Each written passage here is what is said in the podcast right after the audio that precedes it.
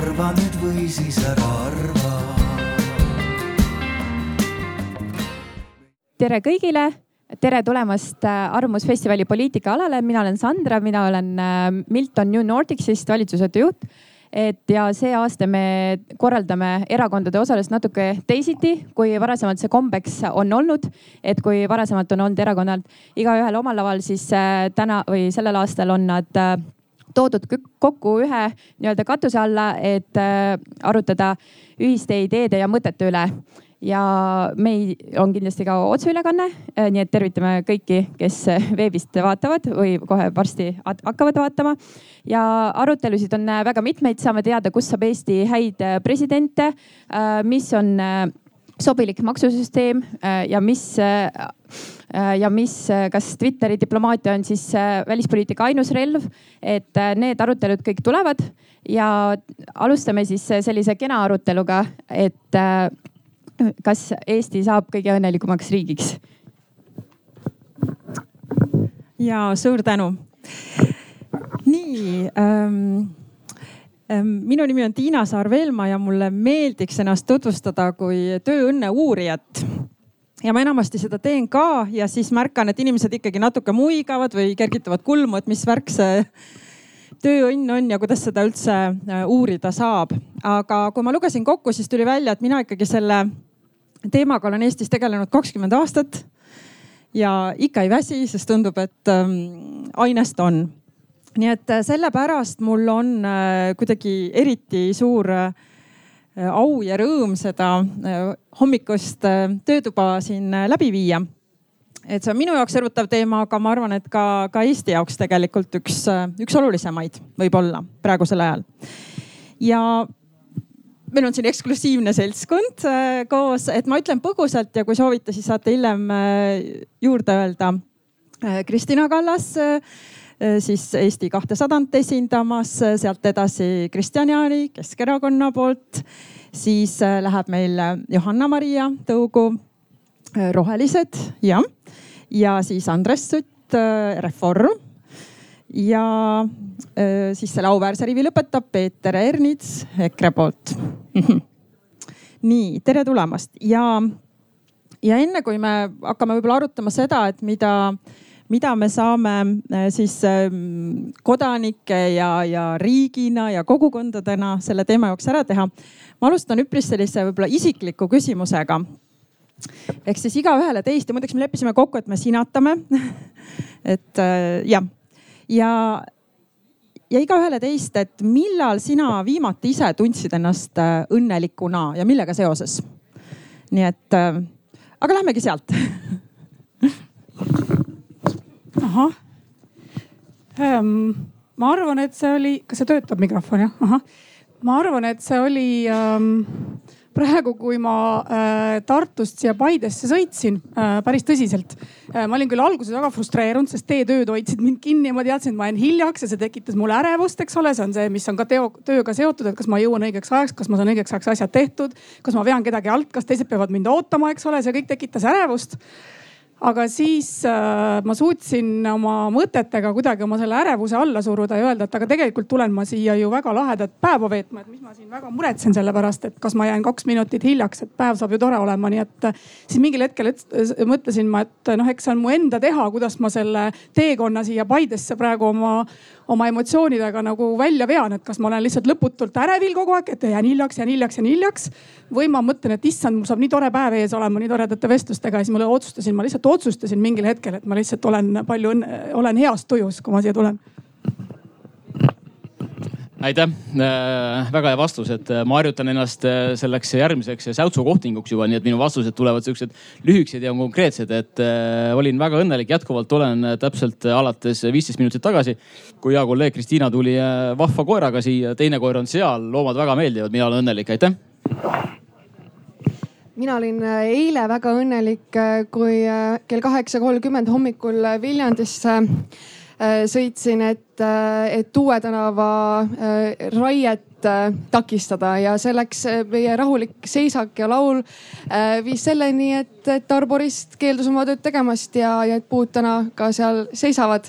Ja niimoodi rahulikult need, noh, see õnn minuni siis jõudis eile.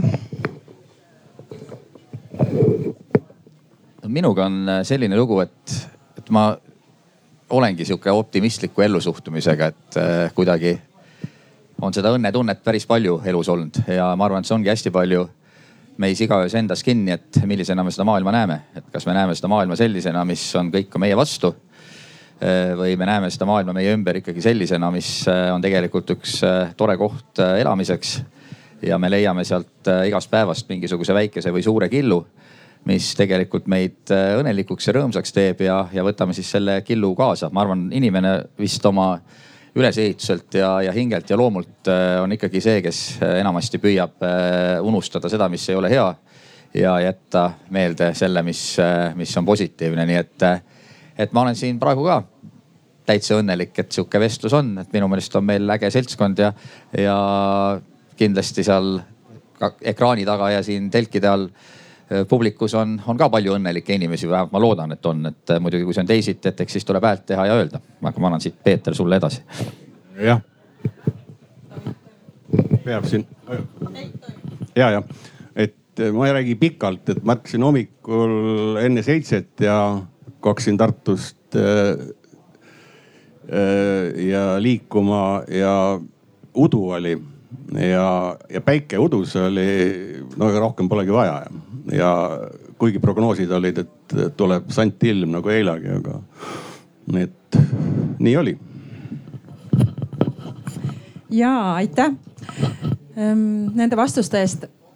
no natukene võiks selle vastuste põhjal järeldada, et õnn on äh, erinev meile et natuke nagu isiklik teema, et kellele piisabki sellest, et ähm, ilm on kena või, või nautida seda hetke või päriselt päästa maailma aga ma tahan siis niimoodi konteksti loomiseks teile öelda, et tegelikult see õnn äh, no nii hirmus subjektiivne teema ei olegi, et teadlased on seda uurinud ja avastanud siis, et meil on näiteks kahesugust õnne olemas.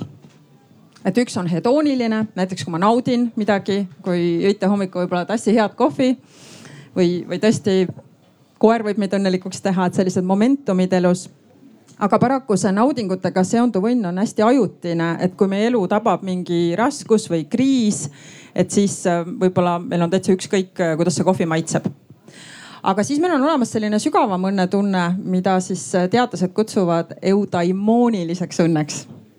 et keeruline nimi, aga sisu on väga aus, et näiteks see sisaldabki seda, et meie elul oleks tähendus.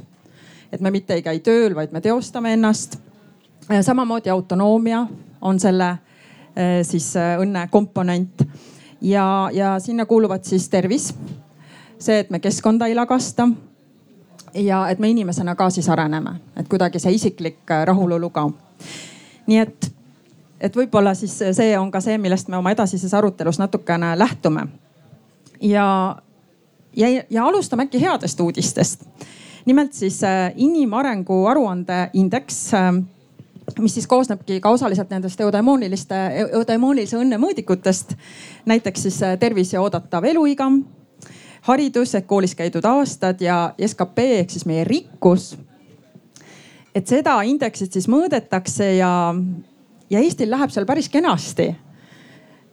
eks ju, et me oleme seal saja kaheksakümne üheksa riigi äh, võrdluses tervelt kahekümne üheksandal kohal ja, ja kui veel vaatame neid äh, sama positsiooniga teisi riike, kust Eesti on tulnud, et siis äh, üsna uhkelt nagu eristume teistest aga samal ajal, mis siis paneb nii sotsiaalteadlaseid kui, kui inimesi võib-olla endid ka muretsema, et näiteks selline subjektiivne õnnetunne või see, et keegi nüüd küsiks, et meil oli siin üsna õnnelik hommikuring, ütleme nii, kõik möönsid, et nad on rõõmsad.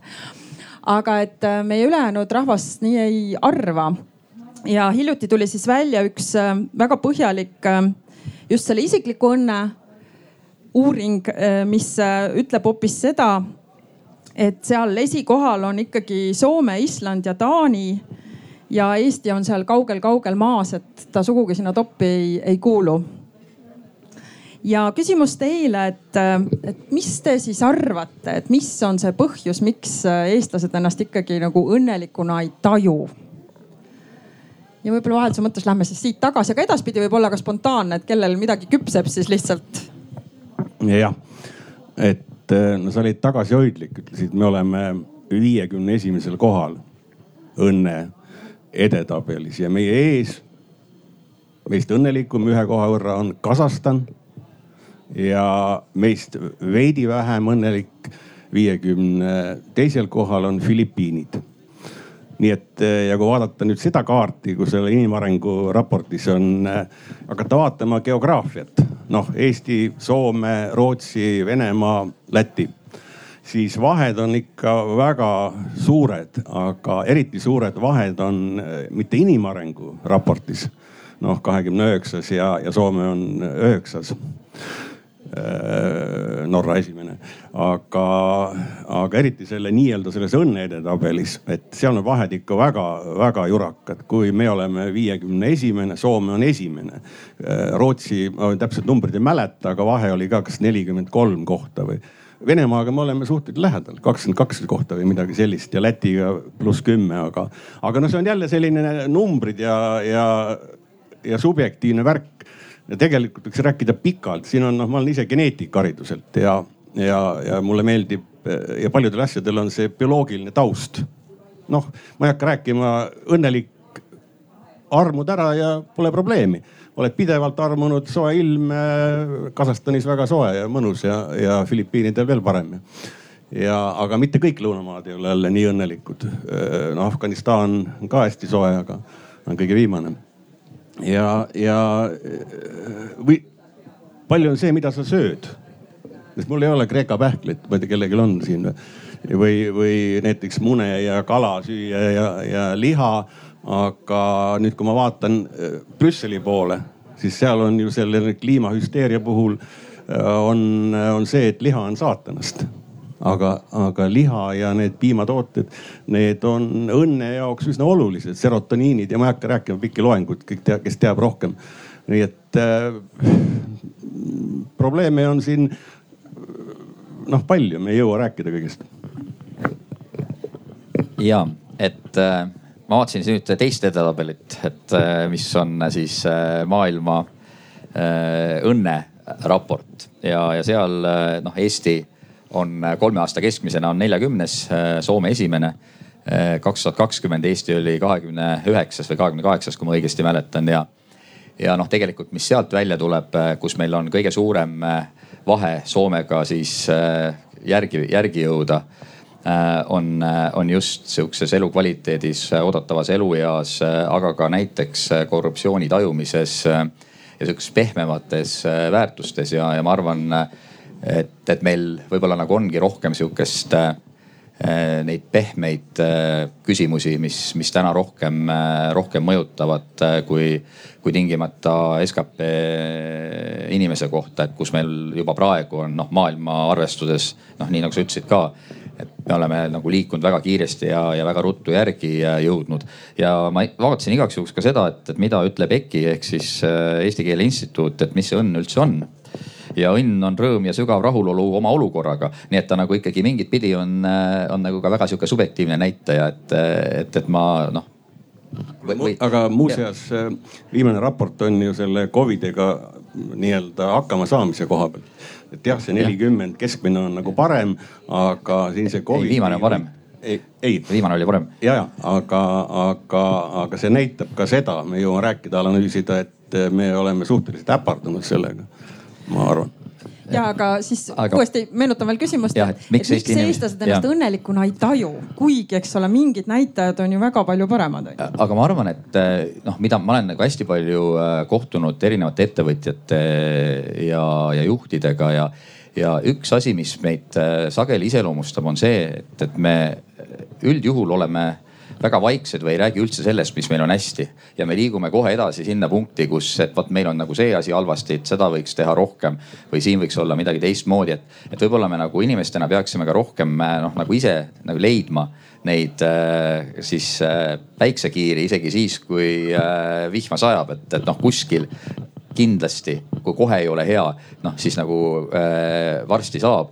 Ja, ja rääkides ka ettevõtjatega ja rääkides sellest, et, et milliseid juhte ja liidreid täna kõige rohkem vajatakse, siis täna see ootus just selle Covidi perioodil äh, on, on see, et need on liidrid ja inimesed, kes suudavad ühendada et selle järgi on nagu täna kõige suurem siis soov ja tunnetus ka, ka ettevõtjate seas justkui, kui me räägime inimeste värbamisest või organisatsiooni arendamisest.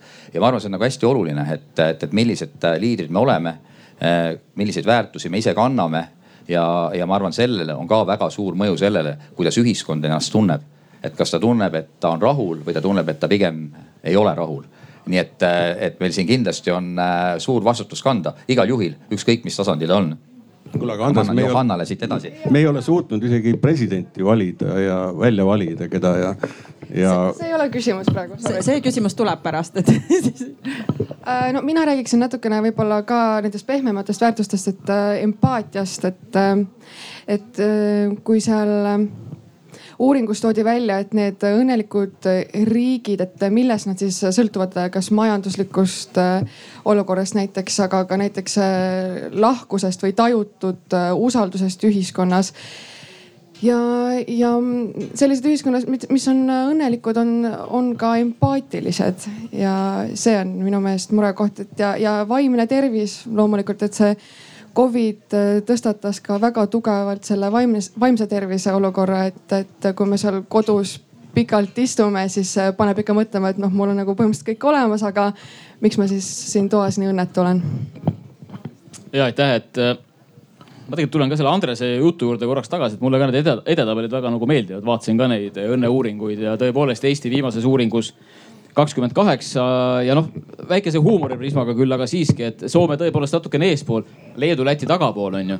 et äh, kui võrrelda nagu võrreldavatega, siis äh, ma väidan ja vaadata ka eelmiseid aastaid, eelnevaid perioode, siis ju meil tegelikult Eesti inimene järjest rohkem tunneb ennast äh, õnnelikuma ja noh, see järgmine nüüd ei ole otseselt minu mõte, seda jällegi kuskilt lugesin välja, aga, aga äkki nagu konkreetselt Tiina sinu küsimusele, et lihtsalt äkki eestlased ei ole õppinud nagu rõõmu tundma sellest, eh, et tegelikult on, tegelikult on nagu hästi. Eh, ja kui nagu tuua siia sihukene turvalisuse mõõde võib-olla sisse ja, ja, ja vaataks ka viimaseid selliseid euro Äh, eurouuringuid turvalisuse poole pealt, siis Eesti väga kõrgel seitsmendal kohal. kuidas inimesed tunnevad ennast, tunnevad turvaliselt. ja kui me vaatame õnneuuringuid on ju, et mis on üks väga oluline nagu sihukene õnne, õnnefaktor on ju, siis ka seal ju turvalisus on väga kõrgel kohal, et kuidas inimesed ennast äh, tunnevad. Mastavi püramiidis on ka turvalisus, turvalisus teisel kohal põhimõtteliselt püramiidis on ju nii et selle järgi uskun nagu potentsiaali, et Eesti inimene noh, päriselt ka tegelikult on õnnelik, aga kas ta oskab sellest rõõmu tunda, võib-olla nagu peaks selle peale mõtlema, et ise nagu tulles ka äh, ja olles juhtinud väga suurt avaliku sektori äh, asutust, äh, siis me alati püstitame endale eesmärke, mis on nagu super eesmärgid. suurepärane peab kõik olema, äkki ei pea. äkki on piisav ka see, kui on hea tulemus aga tõenäoliselt eestlased ongi ja see on iseenesest ju ka hea, harjunud sellega, et kõik peab olema suurepärane ja kui see ei ole suurepärane, kui ta on näiteks hea, mis on ka ju tegelikult täiesti okei okay,, siis sellega nagu rahul ei olda, onju ja seda ma olen täiesti nagu oma silmaga näinud, aga veel kord, et potentsiaali on. ma tõesti tõstan korraks kõrvale need turvalisuse uuringud, Eurobaromeetrid äh, Eesti väga kõrgel kohal. meil on väga palju potentsiaali, et Eesti, eestlane ikkagi ütleb, eestimaalane, et äh, kurat, siin on ikka täitsa hea ja võiks nagu õnnelik olla tegelikult ja äh, minu arust äh, see põhjus, äh, miks me ei ole kuskil õnnelikkuse edetabelites nii kõrgel, on ju meie kirjandusklassikas väga selgelt alati sõnastatud olnud, et tee tööd, siis tuleb ka armastus ja Tammsaare on selle väga-väga selgelt kirja pannud, et mis see eestlase suur häda siis ikkagi on. Ja kui sa teed tööd siis sa pead ju mingi sihi endale seadma, et mis see hea töö tegemine on, mille tulemusena siis see armastus tekkima peaks. Ja see hea töö, kuidas eestlane seda head tööd mõõdab, on ju see, et äh, see, see kuulus lause, et ma pean olema naabrist parem, eks ole, ja see naabrist parem stress mis eestlastel kultuuris väga tugevalt juurdunud on, noh, see ei lase meil ju hetkekski korra maha istuda, hinge tõmmata ja mõelda, et kuhu me tegelikult nüüd selle töö tegemisega siis päriselt jõudnud oleme ja Eesti puhul äh, see naabrist parem on veel omakorda mitme stressiallikas, sellepärast et vaadake, kes meie naabrid on. et kui meil on ikkagi Soome ja Rootsi on naabrid, siis noh, Kasahstanil olla naabrist parem on oluliselt lihtsam kui Eestil olla naabrist parem ja siis see võrdlusmoment, äh, minu arust Mati Heidmets on seda ka mitu korda rõhutanud, et see võrdlus, geograafilise asukohaga võrdlusmoment oma naabritega on see, mis paneb meid kogu aeg tundma natukene nagu mahajääjatena. kuigi objektiivselt vaadatuna, kui me võrdleme ennast kellegi teisega, eks ole, siis me ei ole absoluutselt mahajääjad, me oleme tegelikult äh, päris tublid olnud, aga meil on see, meil on see teine klubi siin kõrval, eks ole, kelle poole me nagu äh, püüdleme kogu aeg, mis ei ole iseenesest halb. aga võib-olla on mõnikord vaja endale ka pai teha, ma olen selles mõttes nagu nõus. ja ja üks asi, mille peale ma ise olen äh, mõelnud ja mõnedel äh, rahvusvahelises meedias ka märganud äh, arutelu selle üle on, et meil on lagunemas ühiskonnas selline ühiste jagatud väärtuste ruum, eks ole, et kui me ikkagi ühiseid väärtusi omavahel enam ei jaga, siis ma arvan, et sellist ühiskondlikku turvatunnet on vähem ja selle tulemusena on vähem ka sellist tulevikulootust, et Eesti, eestlased olid üheksakümnendatel ja veel ka kahe tuhandendatel Euroopa Liidus kõige tugevama tuleviku, positiivse tuleviku suhtumisega rahvas, et noh, meil oli selline ühine jagatud eesmärk, väärtusruum, me teadsime, kuhu me, kuhu me läheme ja mis tulevik meile toob. nüüd on see tulevik nagu justkui kätte jõudnud ja, ja samal ajal on tekkinud selline killustatus ja, ja erinevad arusaamad sellest, kuhu nüüd edasi peaks minema. Ja vot see erinev arusaam sellest, kuhu peaks nüüd edasi minema ja see on väga teravalt ühiskonnas ju täna olemas et see teeb, teeb minu arust meid, äh, meid õnnetumaks äh, ühiskonnana tervikuna ja see kajastub kõikides nendes edetabelites, et muuseas see, see naabrist parem äh, kultuuri element, mis meil kultuuris väga tugevalt sees on, et see on, see on see, mis teeb meist ka edetabelite armastajaid, et meile lihtsalt hirmsasti meeldivad edetabelid. sest see on see koht, kus me ennast naabritega võrrelda saame ja ega me sealt edetabelist siis Kasahstani ei otsi, eks ole, või Ukrainat, me otsime sealt edetabelist Soomet ja Rootsit ja siis vaatame, et kus meie siis nagu selles edetabelis. noh mõnikord mainitakse, aga see ei ole nii oluline. palju olulisem on see, et kus Soome on ja kus Eesti on, need on nagu need kaks võrdlusasja. ja aitäh. nii, aga te mäletate, mis meie tänase mm, töötoa arvamuspaneeli pealkiri oli, et kuidas siis Eesti saaks sinna tippu ja, ja seda me siis äh, nüüd loodame siin edasise arutelu käigus ka uurida ja kui teil tuleb ka küsimusi, siis hoidke need meeles, et me proovime, et selle arutelu lõpuosas me võtaks siis äh, meie auditooriumist ka mõned küsimused maa ettevalmistava töö käigus muideks äh, täitsa käisin kõikide teie erakondade kodulehel ja lugesin lubadusi ja programme ja teate, mis? et kui me nüüd mõtleks, et mida nagu siis poliitikud või poliiterakonnad saaksid selle õnne hüvanguks ära teha, siis ma selle õnne sõna ja selle mõiste leidsin küll ainult ühe äh, teie erakonna siis programmist. mis te arvate, kellel? meil oli valimisprogramm. ei tea tõesti. ainult ühel oli siit olemas see, ma ei tea, kas äh, teie tahate pakkuda, kellel siit oli? meil ikka oli, ju ta meil oli. ja kui ei olnud, siis paneme väga huvitav küsimus on ju, et kui me midagi soovime, siis me peaksime nagu sellest rääkima. ja tegelikult mina leidsin selle siiski ainult äh, rohelistelt ja no, ma siiski parandan, meil oli Riigikogu valimisprogrammis kolm lehekülge juttu sellest, et mis on kogu selle programmi eesmärk ja selle programmi eesmärk on äh, Eesti, Eestis tegeleda inimeste õnnetundega. oli tõesti? aga see oli valimiste programm, see ei olnud erakonna programm.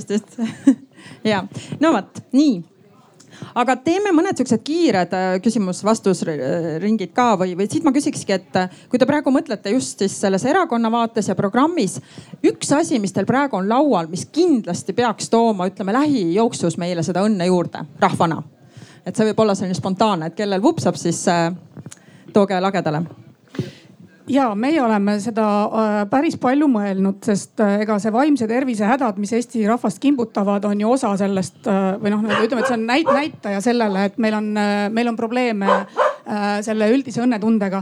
ja, ja võib-olla on täna käes nagu see aeg Eestis, kus me peaksime füüsilise infrastruktuuri ehitamise asemel hakkama oluliselt rohkem äh, panustama ja investeerima ka rahalist ressurssi ja oma tähelepanu ikkagi Eesti, Eesti inimestesse. ma ei taha kritiseerida eelmisi, kõiki eelseisvaid valitsusi sellega, et no mis te nüüd topite seda asfalti ja betooni, see kõik oli õige, sellepärast et me tulime Nõukogude Liidust väga-väga-väga lagunenud infrastruktuuriga, no sellega ei saa toimida, eks ole. meil oli vaja haiglad üles ehitada, meil oli vaja koolimajad üles ehitada, uued teed, ma saan sellest kõigest aru aga täna tõenäoliselt on see koht, kus tuleb teha see, see mõttemalli muutmine, et et võib-olla mõnes kohas ei ole vaja uut haiglat, ei ole vaja uut neljarealist maanteed, aga on vaja õdede palka tõsta. on vaja töökeskkonda parandada, töötingimusi inimestel parandada. et võib-olla on need ressursid täna vaja paigutada hoopis sinna ja, ja võib-olla peakski Eesti, Eesti see nii-öelda tunnussõna olema, et noh, võib-olla vähem betooni ja rohkem inimestesse. ja see on, see on ka nagu sotsioloogiliselt see, mis on Põhjamaadel viimastel kümnenditel toonud ka selle äh, heaolu, meil, meil, meil jääb mulje, et heaoluriik tähendab seda, et riik hoolitseb kõige eest, riik ehitab, riik parandab. aga samal ajal me teame, et Põhjamaade heaoluühiskonna üks põhialusvundamente on väga suur prioriteetne investeering haridusse ja inimeste haridusse, sellesse, et igal inimesel oleks võimalus, ligipääs väga heale kvaliteetsele haridusele. ja see on see tähelepanu, mis ma arvan ka Eestis on ülioluline, mitte et meil sellega kõik väga halvasti oleks. aga me vahel, mulle tundub aeg-ajalt kipume unustama ära, kui me istume rahapaja ees, et kuhu see raha tuleks tegelikult suunata ja noh, täna me oleme olukorras, kus kõrgharidus on alarahastatud, kus õpetajate palgad ei ole jõudnud järgi kõikidele lubadustele, kus lasteaiakasvatajate palgad ei ole lubadustele järgi jõudnud jõudnud, nii et ma arvan, et see on see koht, kuhu me peaksime liikuma. ja aitäh. aitäh mina ka plaksutaksin väga hea ja mõtlen samamoodi põhimõtteliselt, et äh, ma arvan, et ega erakondadel ju, ma arvan, et see on ju täiesti ühine joon, et ma arvan, et meil kellelgi ei ole kuskil sellist argumenti või mõtet, et teha nii, et keegi Eestimaal ei oleks õnnelik, et tõenäoliselt meil on kõigil see sellisel kujul ju mõtetes olemas, et iga eestimaalane tunneks ja päriselt oleks õnnelik. kas ta niimoodi sõnaliselt seal kirjas on, jah, tõenäoliselt ei ole ja igatahes äh, müts maha roheliste ees, et see sellisel kujul sinna sisse on kirjutatud, minu arust väga mõistlik. Äh, keskivaates äh, võib-olla kui ka seda õnnetunnet ja turvalisust pigem seda õnnetunnet vaatame, eks ole, siis seal on ka välja toodud just nimelt see kogukondade tugevus, eks ole. noh, keskil on kirjas olnud see pikka aega see, et ei oleks nii-öelda kogukondades vastandumist, et kogukonnad oleks tugevad ühise eesmärgi eest väljas, nii et siit nagu tõmmata paralleeli ja siit jõuda ka selleni, et kogukonnad oleksid õnnelikud, kõik kogukonna liikmed oleks õnnelikud nii et selline nagu äh, kooskõla selles vaates äh, kindlasti olemas. siin ennem käis läbi ka see, et noh, selles õnneuuringutes vaadatakse ka seda eluea pikkust, eks ole, et kui pikk see on, on ju, seda õnnelikud inimesed on, on ju, või ütleme siis nii, et kui on õnnelik inimene, elab kauem, eks ole. teistpidi on ta jällegi nagu väljakutse, et me täna näeme, et elanikkonna vananemine ongi fakt, eks ole Äh, elanik jääbki kogu aeg vanemaks, aga kuidas me sellega nagu valmis olema, et vanemad inimesed oleksid äh, hoitud, milline on see hoolekanne kuni selleni välja, et äh, kui suur või kui hea peaks olema nagu see pension on ju, noh mille nimel ka. ma arvan, et kõik erakonnad ju räägivad ühtemoodi, sealhulgas Kesk, eks ole, et, et see pensionitõus on oluline ja siin on ka neid edusamme, eks ole, tehtud on ju. Aitäh! Ja võib-olla natuke lihtsalt hoiaks seda fookust koos, et üks asi, mis teil praegu just laual on ka, et mis nagu peaks tuntavalt seda õnne juurde tooma ma saan aru, tegevusi ja teemasid on palju, aga üks asi.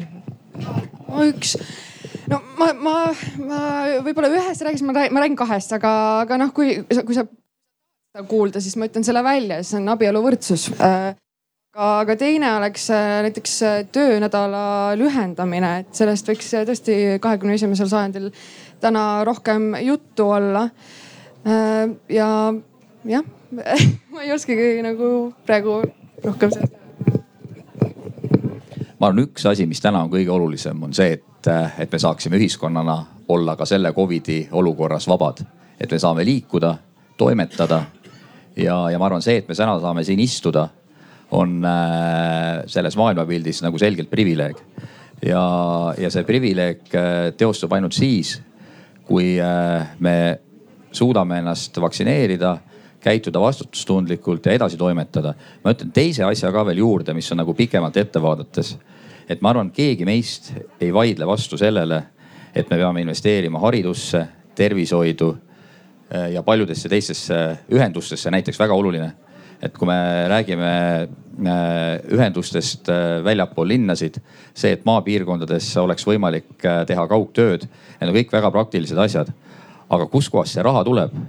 raha tuleb mitte eelarvest ega seinast, vaid raha tuleb ettevõtlusest ja majandusest ja selleks, et me suudaksime oma riiki vabana üleval pidada, peame me siia tooma kordades rohkem investeeringuid. me peame olema avatud talentidele ja me peame olema avatud erinevatele vaatenurkadele.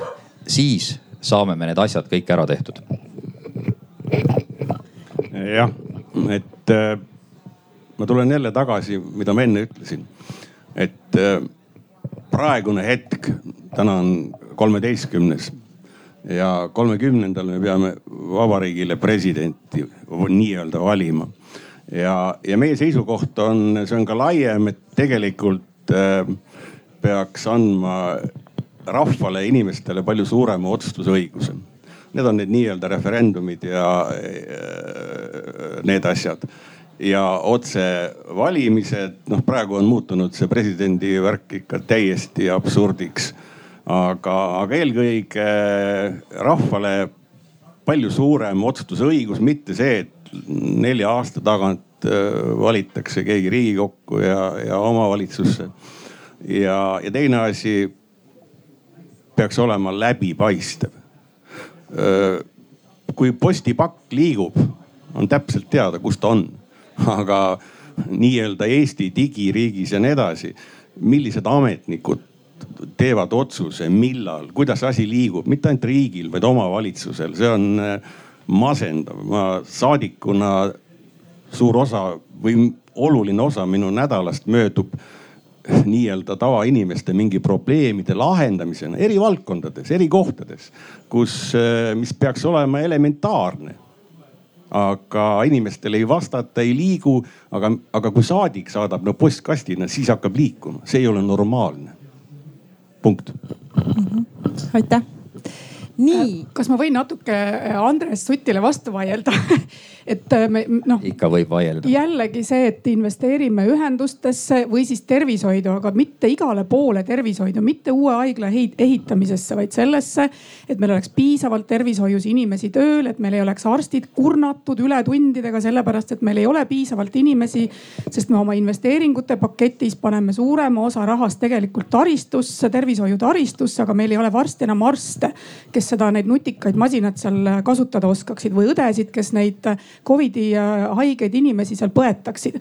et see suur vahe selle ressurssi investeeringuga tuleb Soomega väga selgelt välja. meil on äh, kolmandiku võrra vähem teadlasi, aga me teeme täpselt samasugust maailma tippteadlikku tulemust, aga kolmandiku võrra vähem ressursiga. ehk siis meie inimesed, see tähendab seda, et meie inimesed on lihtsalt kaks kõvasti üle kurnatud nii teaduses kui tervishoius kui ka haridussektoris, et nad teevad suurepärast tööd, aga mis hinnaga see töö tuleb. et äh, me ei ole lihtsalt sellele tähelepanu pööranud ja ma arvan, et see tuleb meile valusalt mingil hetkel lihtsalt kätte. ja tänases kriisis on see meile juba tegelikult ennast näidanud, et meil ei jätku inimressurssi selleks, et oma kriisiga hakkama saada. et vaatamata sellele, kui head meil on masinad ja kui sirged on meie asfaltteed, mis meid sinna haiglasse viivad. et see on minu arust oluline. aga kui ma tohin sinna lihtsalt repliigi äh, äh siis vastu peegeldada, et eh, nii nagu ennem ütlesin, et mulle vaatenurkade paljusus meeldib. ja ma arvan, see ongi väga õige, et, et me need küsimused siin erinevate nurkade alt laua peale eh, tõime. mina ei rääkinud kordagi sellest, et me peaksime panema rohkem betooni. ma rääkisin ühenduste puhul väga konkreetselt sellest, et kui me vaatame, kuidas täna on muutunud tööviisid kui oluline on see, et sa tegelikult saad kodus töötada, siis see, et sul on kiire internetiühendus on nagu väga-väga tähtis. ja, ja, ja see, ma arvan, on äh, eelduseks, et, et inimesed oleksid ka vähem stressis, ükskõik, kas me räägime koolist, Teamsi koosolekust või mingist kolmandast asjast, millega me oleme siin pidanud ühiskonnana äh, päris palju äh, silmitsi olema.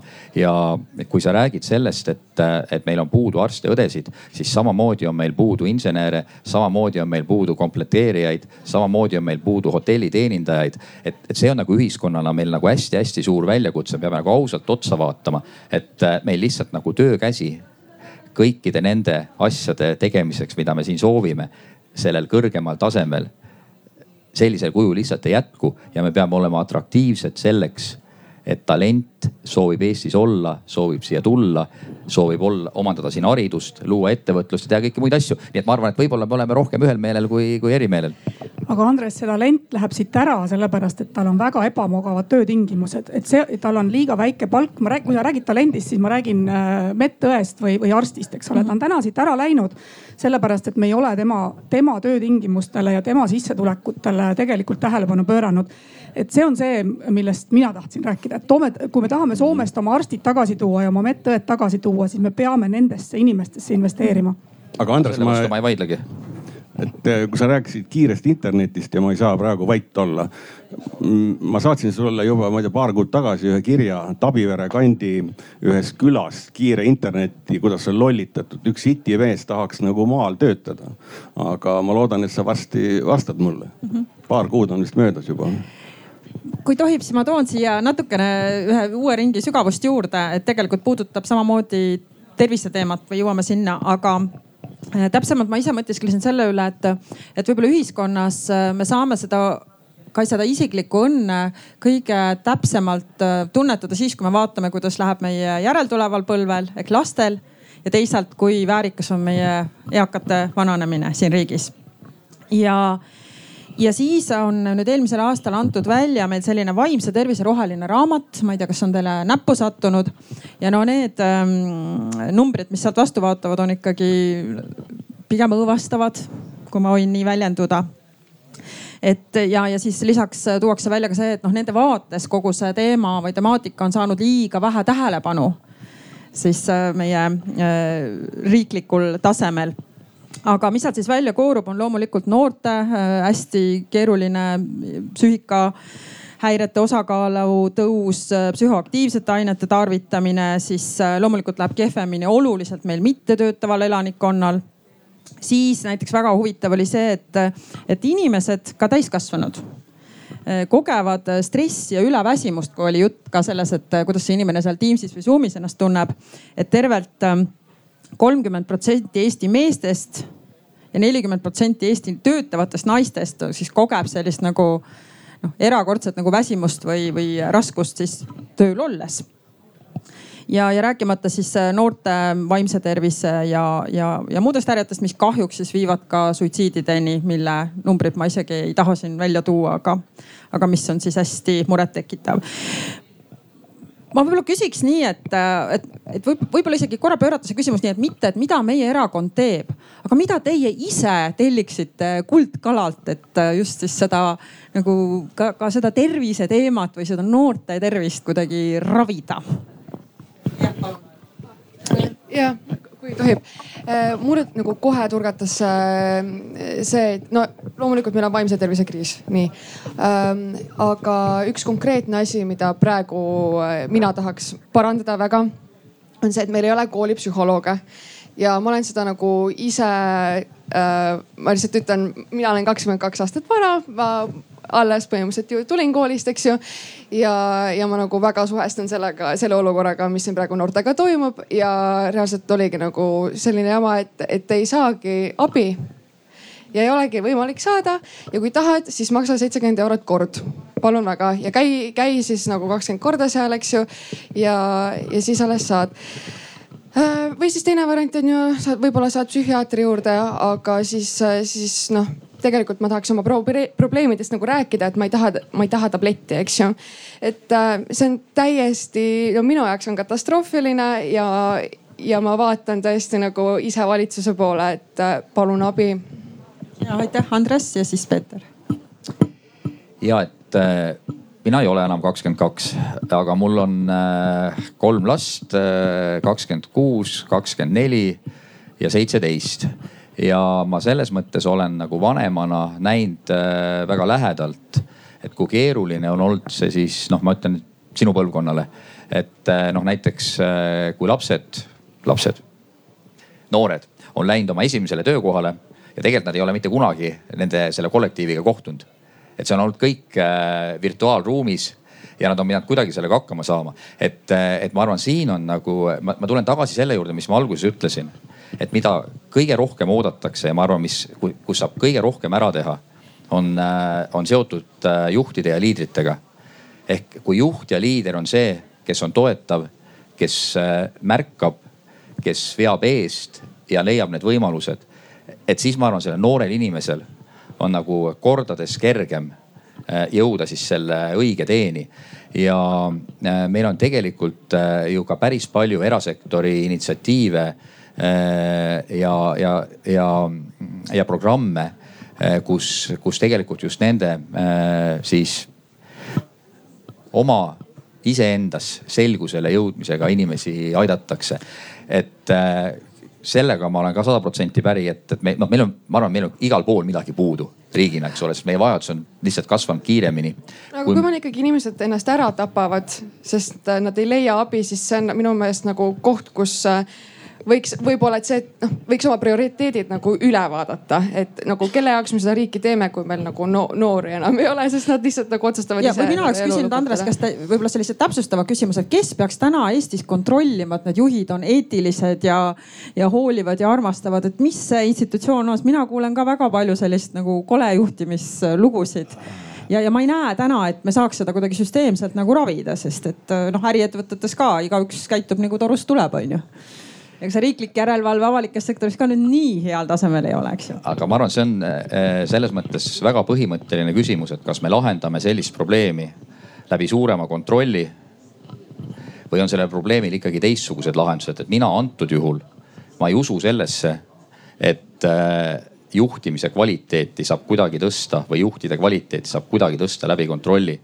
see on äh, ikkagi pikem teekond ka ühiskonna arengus ja noh, nagu inimeste ja juhtide enda arengus, et nad äh, märkavad ja arenevad ja, ja suudavad seeläbi oma meeskonda paremini toimetada. ma olen nagu sellega nõus, et kui kellelgi on äh, noh nagu tõesti silme ees must, et siis loomulikult siin peab äh, tervishoiusüsteem aitama. kui ta seda täna ei tee, siis tuleb sinna sisse vastata, vaadata, et ma nagu kõiki asju ei tea, aga puhtalt selle juhtimiskvaliteedi poole pealt, et see on nagu, nagu hästi oluline, ka need, ka, ka see, mida, kuidas meid koolis õpetatakse eh, ka see, kuidas meid ülikoolis õpetatakse, et see kõik hakkab sealt pihta, kuidas meil kodus räägitakse, kuidas vanemad käituvad. et, et noh, minu meelest, eh, kui me läheme tagasi ikkagi nende juurte ja Eesti väärtuste juurde et, et siis me saame ka paljud need probleemid äh, lahendatud, aga see ei ole kontrolli, kontrollis ei ole see võti minu ja. arvates. ja aitäh Peetrile. ja, et äh, ma olen aastaid toetanud äh, naiste varjupaiku ja, ja miks ma räägin seda, detail on seal no Jõgevast ma räägin praegu, Jõgeva maakonnast ja, ja seal ma puutusin kokku, noh, teate küll, varjupaigad enamasti naised kodust minema aga sageli koos lastega. ja, ja ma avastasin seal juba hulk aastaid tagasi, et äh, lastele no psühholoogi teenus kümme tundi kuus ja, ja, ja peale selle loomulikult on äh,, olen ma panustanud, et äh, saaks veidigi rohkem laste psühholoogi, kes tegeleks nende kodust välja põgenenud naiste, nende lastega, kes avavad seda ja see on riigi nii-öelda tegemata jätmine, kümme tundi kuus, no kuulge, kuul pähe. aga, aga mul on hea võimalus, praegu kaks ministrit on siin. et äh, me riigieelarve kontrolli erikomisjonis Covidi äh, lisaeelarve oli kuus miljonit läks sotsiaalministeeriumis aga seal läks ja ma nüüd ma küsin teilt, et miks te lubasite seda. seal oli üks miljon kuuest miljonist, sotsiaalministeeriumi eelarve on pool eelarvest üldse kogu kupatus ja seal arutati, et kuuest miljonist üks miljon läks nii-öelda Kaagvere laadi nende sellise äh, aastaseks äh, äh, nende kodude ja nende majutuse jaoks kümnele endale ja teistele võib-olla ohtlikule nii-öelda noorukile. sada tuhat näkku, aga järjekorras, need on, kes läbi kohtu on läinud, ma võin eksida, oli, on kusagil üle kahesaja viiekümne veel. Ja, ja, ja see oli nüüd selle lisaeelarve kuus miljonit terve sotsiaalministeeriumi peale ja üks miljon kümne sellise noh, endale ja teistele ohtliku sellise kõuriku jaoks. aga kellele vaja oleks, ma vaatasin, küsisin kolleeg või teie kolleeg Signe Riisalolt, et kuidas siis niimoodi, kas tõesti midagi muud ei ole ja aastaseks, aasta jaoks ainult. ütelge, sõbrad ministrid, miks te lubasite sellise lolluse? Ma, vajalik on, aga, aga kas see on see prioriteet aastaks sada tuhat näkku? ja valikute küsimus, kas ma tohin kaaperdada selle küsimuse natuke rohkem sinna, kust me läksime lahti sellega, et just see tervisekriis või vaimse tervise kriis ja noored, et mida teie telliksite kuldkalalt, et mida me praegu kohe vajaks kiiresti riigina? see algne küsimus on nii segaseks läinud, ma ikka tahaks igal pool nagu kommenteerida ka natukene, aga, aga, aga ütleme sellise vaimse tervise poole pealt, sa rääkisid sellest äh, lisaeelarvest ka, et äh, tõid välja seda negatiivsust. mina arvan muidugi jällegi, et see osa, mis sinna noortele oli suunatud, igati õige. samas ma toon ka välja, selle lisaeelarvega me toetasime ka näiteks usulisi organisatsioone, äh, et nad tuleksid paremini toime nii-öelda Covidi nii-öelda siis äh, tagajärgedest, mis oli usulistel organisatsioonidel. ja, praegu. ja miks me ei või panna usulisi organisatsioone ja noori ka nagu ühte kohta selles mõttes. koht, kus me räägime, et on võimalik nii-öelda oma vaimsetele muredele leida mingisuguseid lahendusi, koht, kus on uksed kakskümmend neli seitse põhimõtteliselt nagu avatud ja mis on tasuta, et miks me nagu välistame selle, et, et oi, et noor ei puutu küll nüüd kuidagi, ma ei tea, usuliste organisatsioonidega või, või vaimulikega näiteks kokku, kelle eesmärk on täpselt samamoodi hingehoid, inimestel oleks parem olla ja nii edasi, nii et ja ka sinna seda lisaeelarvet läks. kui me räägime sellest juhtimise kvaliteedist, mida siin Andres äh, puudutas, äh, kas see on nagu hea või halb, et, et loomulikult äh, mina, olles ka väga pikalt tippjuhina, olen näinud erinevaid kolejuhtimisi. väga palju panustanud sellele, et seda ei oleks, onju, mis seal nagu aitab mina olen näinud, et sotsiaalne kontroll peab olema lihtsalt tugev, onju, et meeskondade enda nii-öelda see sisemine kontrollsüsteem, no Andres ütles, et see ei ole hea sõna, see kontrollimine, aga see on see sotsiaalne kontroll, kus meeskond ise tegelikult noh, kuidas nüüd öelda lõpuks nagu sekkub, onju. meil on tõepoolest, ise olen ka väga palju seda näinud, et, et liiga palju lepitakse ja minnakse kaasa koledustega, eks ole, aga samas ei ole nagu julgust astuda vastu äh, ja tekitada selline sotsiaalne kontroll, pöörduda võib-olla nagu järgmise taseme juurde, tuua välja need murekohad ja nii edasi. noh üldjuhul muidugi, kui me räägime jällegi uuringutest, et sellised kolekohad tulevad erinevate rahulolu uuringutega välja, noh peavad tulema, need peavad olema sellisel kujul äh, ellu viidud, et sellised kohad sealt välja tuleks, nii et selline kvaliteedikontroll, sotsiaalne kontroll jällegi minnes oma eelmise ametikoha juurde, äh, selline neutraalne kaplaniteenistus näiteks, mis oli olemas Politsei- ja Piirivalveametis.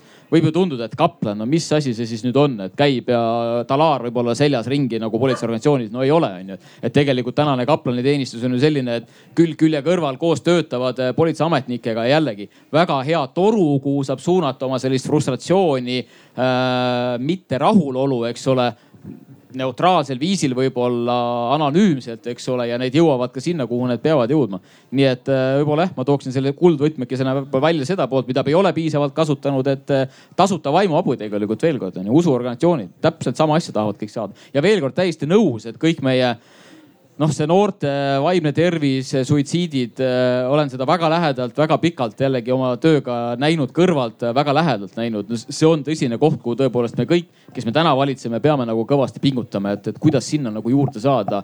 Äh, meil on täna, kui me räägime erinevatest noorte, ma ei tea, rehabilitatsiooniprogrammidest, need on projektipõhised. Nende eesotsas on aktiivsed inimesed, kes põhimõtteliselt nagu iga perioodi tagant peavad ennast nagu neljaks jooksma, et saada uus projektirahastus, on ju. ja põlevad läbi samal ajal. ja põlevad samal ajal läbi, on ju, et, et jällegi jõudes sinna, et äh, jällegi ise pean peeglisse vaatama, on ju, et äh, head projektid peavad olema riigieelarves põhimõtteliselt, mitte projektipõhised ja see on küll nagu oluline. Kas, oot, oot, kuulame, Kristiina, hoia meeles, mis sa tahtsid öelda.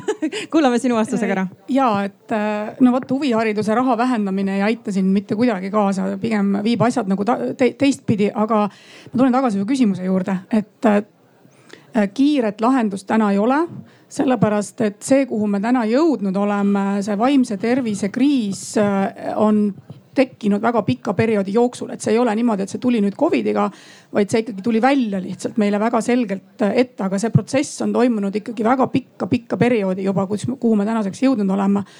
Ja seal taga on äh, selline ühiskondlik struktuuride muutus. Ehk siis see, et me töötame tegelikult oluliselt rohkem tunde, kui me oleme seda kunagi varem teinud. ma arvan, et mina võin küll julgelt väita, et minu põlvkond tõenäoliselt lapsevanematena veedab rohkem tunde tööl, kui minu ema põlvkond veetis tööl ja see, et ma veedan rohkem tunde tööl, tähendab ju seda, et mul on palju vähem aega tegeleda oma lastega, oma vanematega.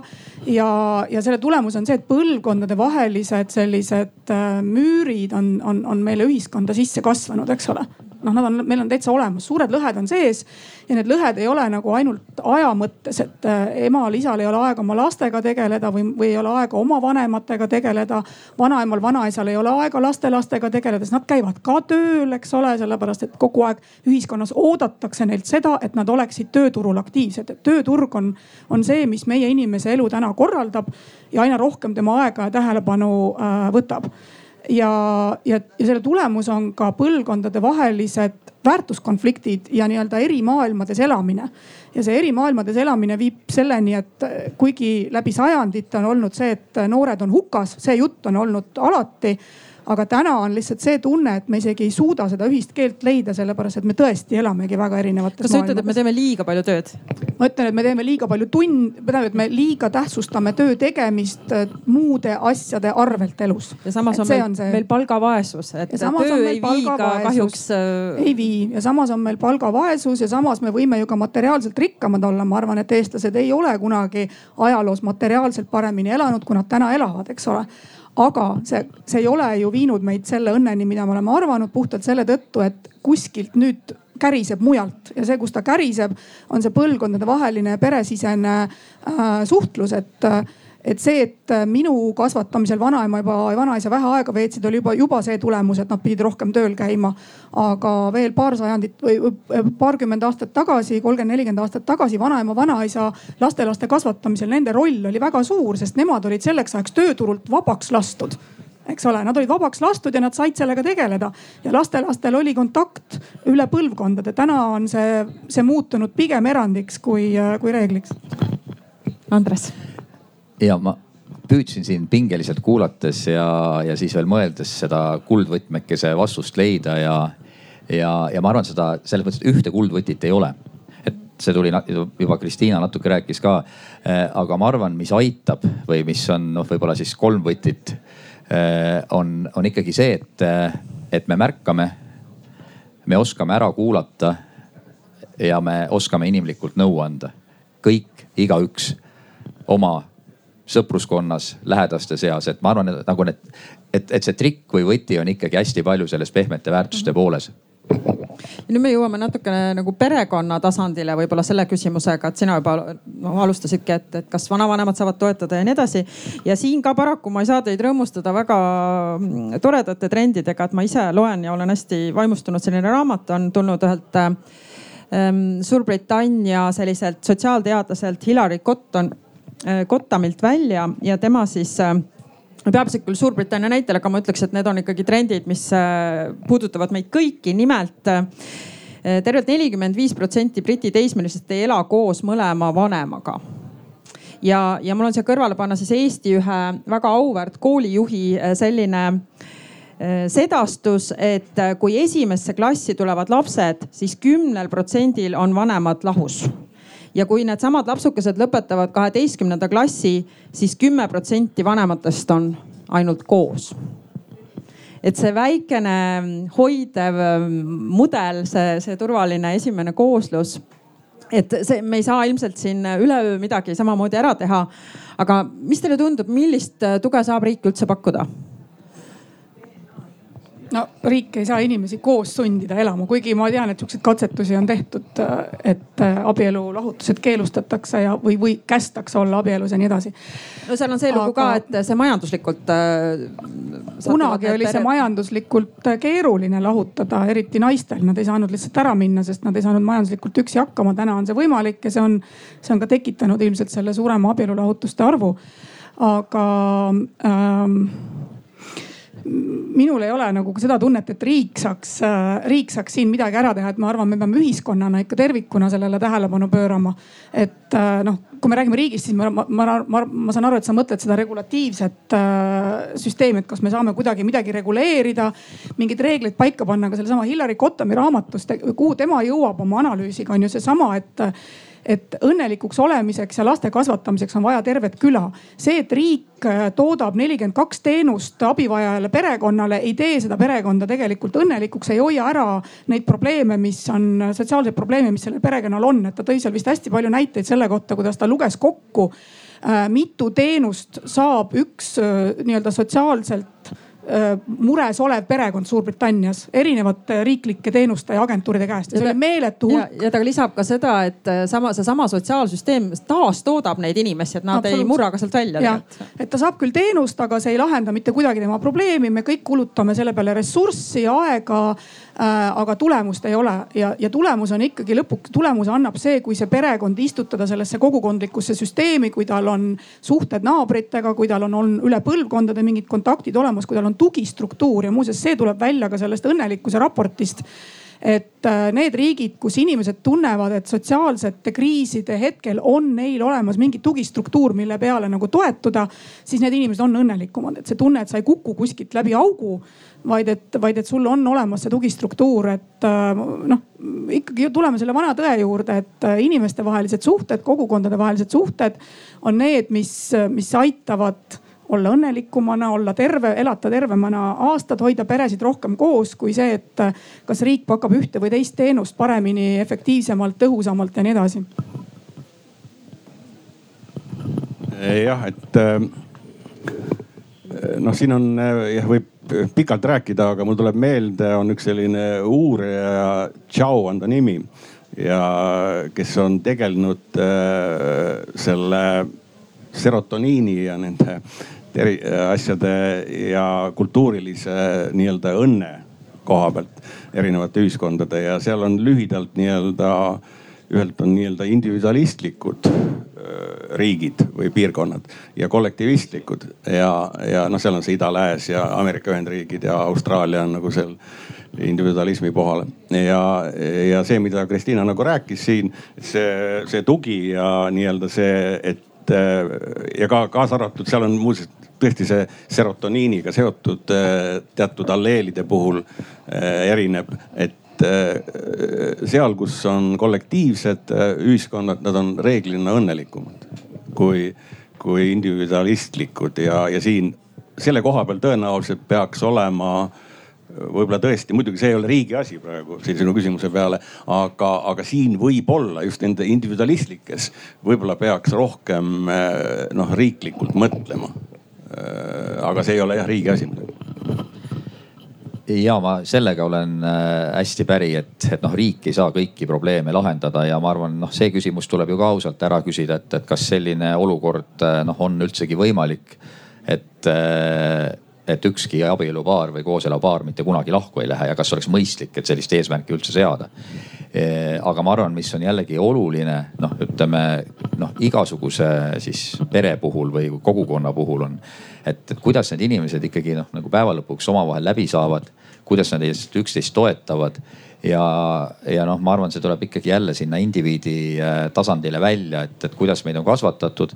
Sest noh, kool ja kodu või kodu ja kool on ju kaks kõige olulisemat äh, noh, nagu inimese siis isiksuse kujundamise või kujunemise Äh, mõjutajat ja, ja, ja noh, et see, mis me lapsepõlvest kaasa saame, mis me koolist kaasa saame, ikkagi nagu väga palju äh, määrab seda, et, et kuidas me oma seda tuleviku teekonda käime. ja noh, ka siin ma arvan, et ega mingeid kiireid muutusi ei tule, et, et, et kui me oleme täna selles punktis, kus me oleme, noh, siis see laev pöörab väga aeglaselt, et kui me soovime ühiskonnana ja ma ei tea, kas me ühiskonnana soovime mingisugust teistsugust lahendust, et ja kindlasti on ka siin vaatenurkade paljusus ja ma arvan, kui on vaatenurkade paljusus, siis see on ainult hea. ja et äh riigil hoida koos perekonda nagu selle lahutuse mõttes noh, ei ole iseenesest nagu loomulikult võimalik äh,. aga perekond loomulikult äärmiselt oluline on, ükskõik mis mudel seal perekonnas on, peaasi, et perekond äh, ja üks asi on jah see, kas lahus või mitte lahus, teine asi äh, jällegi, mida isiklikult palju näinud tööalaselt, et noh, lahus või mitte Äh, perekonnamudelid, kus äh, alaealine on äh, põhimõtteliselt, või mis alaealine, ütleme noor inimene on viis päeva nädalas kodus ja mõlemad vanemad viis päeva töötavad siis kuskil naaberriigis, Soomes näiteks. ja see perekonnamudel ongi selline, et keegi ei ole lahus, aga kodus ka ei ole mitte kedagi ja siit väikse ringiga jõuan natuke selle Andrese jutu, jutu juurde ja, ja mida ka Kristiinaga siin vaidlus oli, et äh, talendid, äh, kas me tahame talente sisse tuua või need perekonnaliikmed, kes meie talentidel lähevad teistesse riikidesse tööle.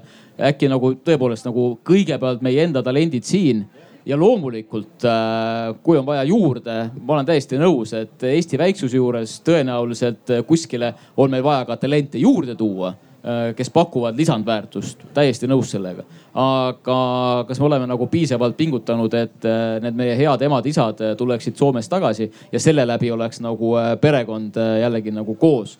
kus me seda täna näeme jällegi lahendamas oleme ja mis on täiesti nagu julgen öelda nagu vähemalt mina olen näinud seda viimasel aastal, et kui me vaatame jällegi noortelaagreid, noored inimesed, üldjuhul alaealised. see aasta me pidime nendesse laagritesse kaasama psühholoogid, sest muud moodi ei olnud enam lihtsalt võimalik neid laagreid äh, läbi viima, sest äh, kõik need kasvatajad, kes sinna kaasatud olid, tegelesid tegelikult terve selle laagriperioodi jooksul küsimustega, mis olid psühholoogilist laadi ja millel ei ole head väljaõpet ja ei olnudki midagi teha, pidime kaasama sinna psühholoogid. ja see psühholoog loomulikult äh, ei tegelenud nende lastega mitte ainult nüüd see kuus või viis päeva seal laagris, vaid sealt võeti väga palju asju edasi ja ma väga loodan, et äh, päris mitmed asjad saavad ka lahendused. aga see on täiesti nagu viimaste aastate selline tendents, et noh, ei ole võimalik lastelaagrit läbi viia. räägin nagu, mida me siseturvalisuse valdkonnas korraldame, et seal ei oleks kaasatud äh, psühholoogi väga hea väljakutse jällegi. et siis äh, need lapsed vajavad enam armastust, hoolt ja tähelepanu. olgu nende vanemad koos või lahus. just ja nad otsivad seda nende kasvatajate juures sealt, aga väga palju kasvatajad näevad, et nad ei ole võimelised seda abi andma ja lahendus on see, et sa pead selle professionaali sinna kaasa võtma. Lihtsalt ma ei ole veel rääkinud, sellepärast ma võtaks äh, sõna, kui ma tohin et jah, siin toodi välja, et äh, kool ja kodu, eks ju, on äh, noore inimese äh, selline põhi, põhielu on ju. aga kui ta nüüd, no meil on nii palju düsfunktsionaalseid perekondi ja kui noh, sa just tõidki selle välja, et, et mis siis saab, kui, kui noh, pere on selline et kui laps ei saa kodust seda, siis kust ta seda saama peaks ja kui ta praegu seda koolist ei saa, nagu ma ütlesin, siis nagu, mis see statistika ütleb, et kolmandikus on ainult, kolmandikus koolides vist on psühholoogid olemas ja, ja, ja needki on äh, niimoodi poolikult seal, et äh, et siis, siis me jõuamegi siia, et meil on lastelaager on ju, kus, kus noored tulevad äh, kokku, need võib-olla räägivad omavahel nendest probleemidest. kuule, tead, mis minu papsiga juhtus või? Aga, aga siis pöörduvad kasvatajate poole jah. et no mida inimene ise saab teha, loomulikult ongi investeerida lihtsalt äh, enda kogukonda, enda sõpradesse ähm,. ja jah ehk siis lähedased tähtsad suhted. jah, see teebki meid õnnelikuks, see võrgustik meie ümber ähm ma tahtsin lihtsalt pikema perspektiivi jälle siia tuua, et äh, meile võib täna tunduda, et meil on äh, kõik väga hukas, et me oleme, meie vaimne tervis on halb, meil on äh, lastel väga palju psühholoogilisi probleeme ja me ei saa nende kõigega hakkama, meil on rohkem koolipsühholooge vaja, meil on peredega vaja rohkem vaeva näha, aga ma julgen väita, et see, et küsimus on ajaloost võrdlusmomendi puudumine, sellepärast et meil on ühiskonna ootus inimeste õnnele oluliselt muutunud, eks ole. et äh, ma arvan, et veel kakskümmend, kolmkümmend aastat tagasi ei olnud meil seda ootust, et iga kui viimane ühiskonnaliige peab kogu aeg olema õnnelik ja hästi ennast tundma, ta ei tohi olla õnnetu, tal ei tohi olla, eks ole, äh, kõikvõimalikke selliseid vaimse tervise häireid. et lihtsalt tuletame meelde, et veel nõukogude ajal need lapsed keda me täna nimetame siis õnnetuteks või kellega on vaja eraldi tegeleda, kus need lapsed olid, need olid lihtsalt silma alt ära pandud Kaagvere erikooli või Puiatu erikooli.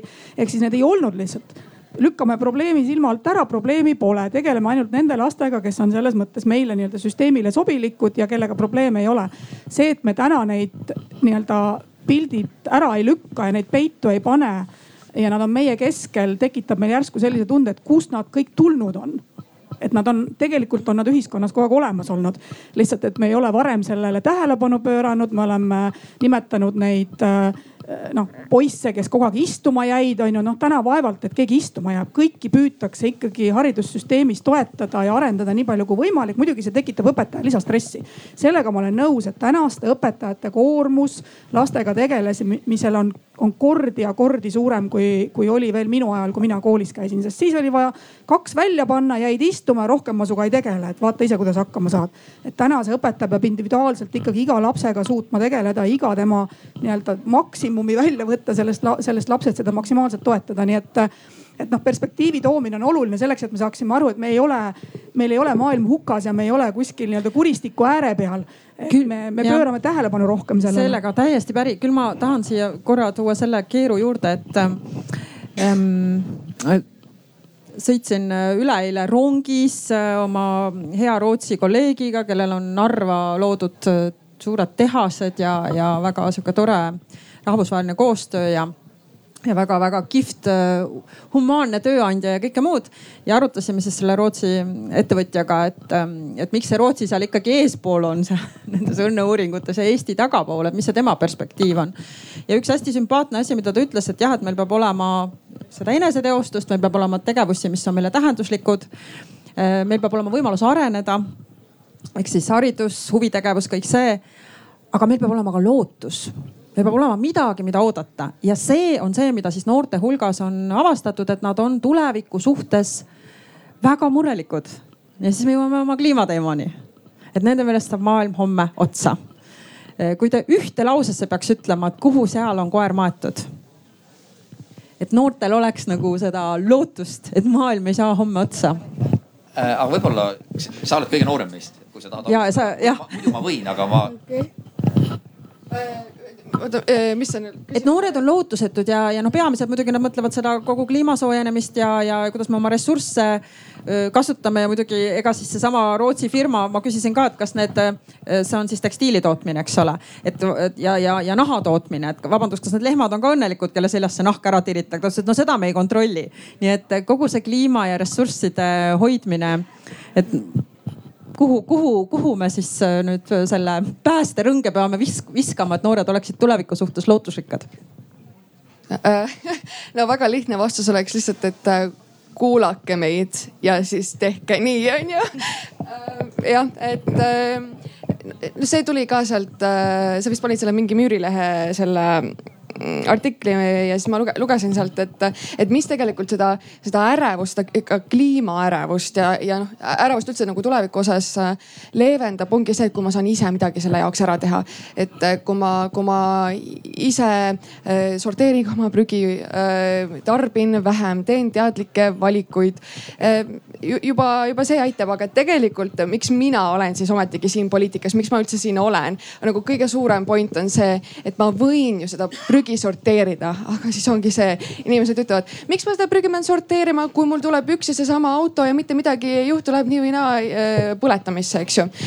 nii, aga siis tulebki muuta äh, seaduseid sellepärast et, et midagi liikuma hakkaks ja et üksik inimene ei pea seda koormat kandma. koormat peavad kandma need ettevõtted, kes seda kõige suuremat äh, saasta toodavad. Äh, poliitikud peavad võimaldama, et inimestel on mugav äh, olla keskkonnasäästlik, et ettevõtetel ei oleks pinnuks, vaid see oleks ikkagi võimaluseks, sest inimesed tahavad tarbida keskkonnateadlikumalt, aga neil on nii raske seda teha praegu. et võimaldage siis seda palun poliitikud ministrid, ma vaatan teie poole praegu. ja väga hea, müts maha enne kui ma lähen noorte juurde korraks Kristiina jutust veel äh, kinni võtma, lihtsalt tõesti pani see mõtlema, mis sa ütlesid, et, et, et need noored sellisel kujul kogu aeg olemas olnud tegelikult on ju. et äh, ja hakkasin nagu võrdlema seda, et me oleme nagu lähisuhtevägivalla vaates kogu aeg rääkinud seda, et see ei ole midagi uut, see on kogu aeg olnud olemas. täna me aina rohkem seda teadvustame. ehk siis nagu kole küll öelda, aga nagu üritada leida seda positiivsust sellest, et me täna räägime, et kui suur mure ja väljakutse on selles äh, nii-öelda selle noorte psüühilise poolega. me teadvustame seda aina rohkem, kogu aeg on see olemas olnud, täna teadvustame seda tükki maad rohkem, ongi hea äh,. lähisuhtevägivalla vaates täpselt sama lugu olnud ja, ja, ja oleme tegemas nii-öelda noh, ütleme selle ennetamise vaates ikka väga häid samme. noortest äh, vaatan omaenda lapsi ja, ja mõtlen küll selle peale, et äh, tulevik on ikka väga kindel, kui me räägime sellest, mida ja kuidas noored on tegemas. ma vaatan täna kasvõi oma laste pealt, äh, kuidas nad suudavad konstrueerida sellist äh, head kriitikat nii valitsemise suhtes, kliima suhtes, üleüldse, mis on nagu maailmas toimumas. ja mõtlen iseennast tagasi sama vanaks siis jään ikkagi nagu kõvasti maha nagu selles vaates on ju. loomulikult tänane internet ja kõik see temaatika ja kui sa suunad ka nagu õigesse kohta ka nagu veebiavarustes, siis äh, ma arvan, et see, et äh, noh veel kord vaadates tänaseid noori, kellega mina kokku puutun, oma laste klassikaaslasi, ma olen nagu ikka väga kõrge nagu lootusega, et tulevik on ikka nagu väga helge meil selles vaates, nii et müts maha noorte ees. kuulake ja see on väga õige ja tegelikult ma arvan äh, äh on, on ka kuulatud, et üks inimene, kes on, ma arvan, väga palju seda palli tagant tõukanud Greta Thunberg et, minu jaoks, et see noh, nagu debatt on tänaseks juba rohkem selles, et mis kiirusega me liigume edasi eh, ja mis on see innovatsioon, mida me vajame. ja väga paljude ettevõtete tasandil on juba hulk aega tagasi need otsused tehtud, mis aastaks nemad tervikuna kogu oma tootmisprotsessi või teenuseprotsessi vältel muutuvad CO2 neutraalseks. ja ma arvan, üks asi on regulatsioon, mis seda mõjutab, aga mu enda tunne on see, et, et palju suurem määraja on tegelikult see järgmine põlvkond ehk siis nagu sinu põlvkond, kellel on hoopis teistsugused eelistused ja tarbijavalikud. ja tegelikult see sunnib ettevõtteid oma teenuseid ja tooteid muutma. ja noh, ma võin siia tuua teile lihtsalt paar näidet, et ka Eesti ettevõtete koha pealt, et ma olin eile Järvamaal, käisin sellises ettevõttes, mille nimi on e-Beam. küsisin, kuidas äh, on teie siis äh, CO2 neutraalsuse eesmärk ja millal te selle saavutate? Nad ütlesid, et see on aasta kaks tuhat kolmkümmend viis. Äh, neil on juba täna äh, roheline juust, mis ei, ei, ei, ei no me, sa, sa, sa võid, okei okay., sul on õigus oma arvamusele, ma lihtsalt räägin, mis, mida sealt mulle, mida mulle sealt peegeldati ei, ei, ega siis inimesed võivad äh, ju süüa kas liha või, või mitte liha, et, et äh, nii nagu ma olen siin korduvalt öelnud, et äh, arvamuste mitmekesisus on nagu väga-väga oluline. teine ettevõte, mis on Tartus, mille nimi on Foxway kes siis on Tartu üks kõige suuremaid tööandjaid, väga kiiresti kasvanud paarikümne miljonilise käibe pealt saja kahekümne miljonilise käibe peale. ja nad tegelevad mobiiltelefoni, siis nutitelefonide, tahvelarvutite ja laptop'ide taaskasutusele võtmisega. ja väga-väga suur turg, eh, ostavad sisse eh, globaalselt, müüvad Euroopas, nii et selles mõttes ma olen, mina vaatan nagu optimistlikult, et me liigume sinna. see surve tuleb tarbija poolt, see surve tuleb tegelikult ka majandusliku efektiivsuse, innovatsiooni poolt ja mida rohkem me oleme avatud sellele mõtteviisile Eh, seda ja mida vähem on neid, kes kõhklevad, et kas seda üldse on vaja, noh, et seda parem on, aga mina ma olen nagu hästi tugevalt seda usku, et, et, et me, et see murdepunkt on ära toimunud, et, et me ei pea kedagi veenma.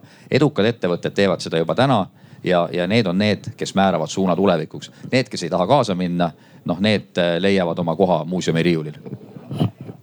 Peeter. ja, ja no ma ei tahaks, et äh, suur osa Eestist leiab oma koha muuseumi riiulil. et äh, see rohepööre, äh, see on ülitõsine asi ja see on, see puudutab tegelikult ka Eesti suveräänsust kõige otsesemalt ja ma ei hakka pikalt rääkima sel teemal järgmised aastad, see muutub kõige olulisemaks ka järgmise riigikogu valimiste eel ja nii edasi. aga kui vaadata nüüd äh, selle Kreetakest, et äh, paneme asjad paika. Euroopa, kui me tahame olla esimene kliimaneutraalne kontinent, aga kontinente maailmas ei ole mitte ainult Euroopa ja ei ole seal müüre vahel, nii nagu Leedu ja Valgevene piirile ehitatakse vaid äh, kliima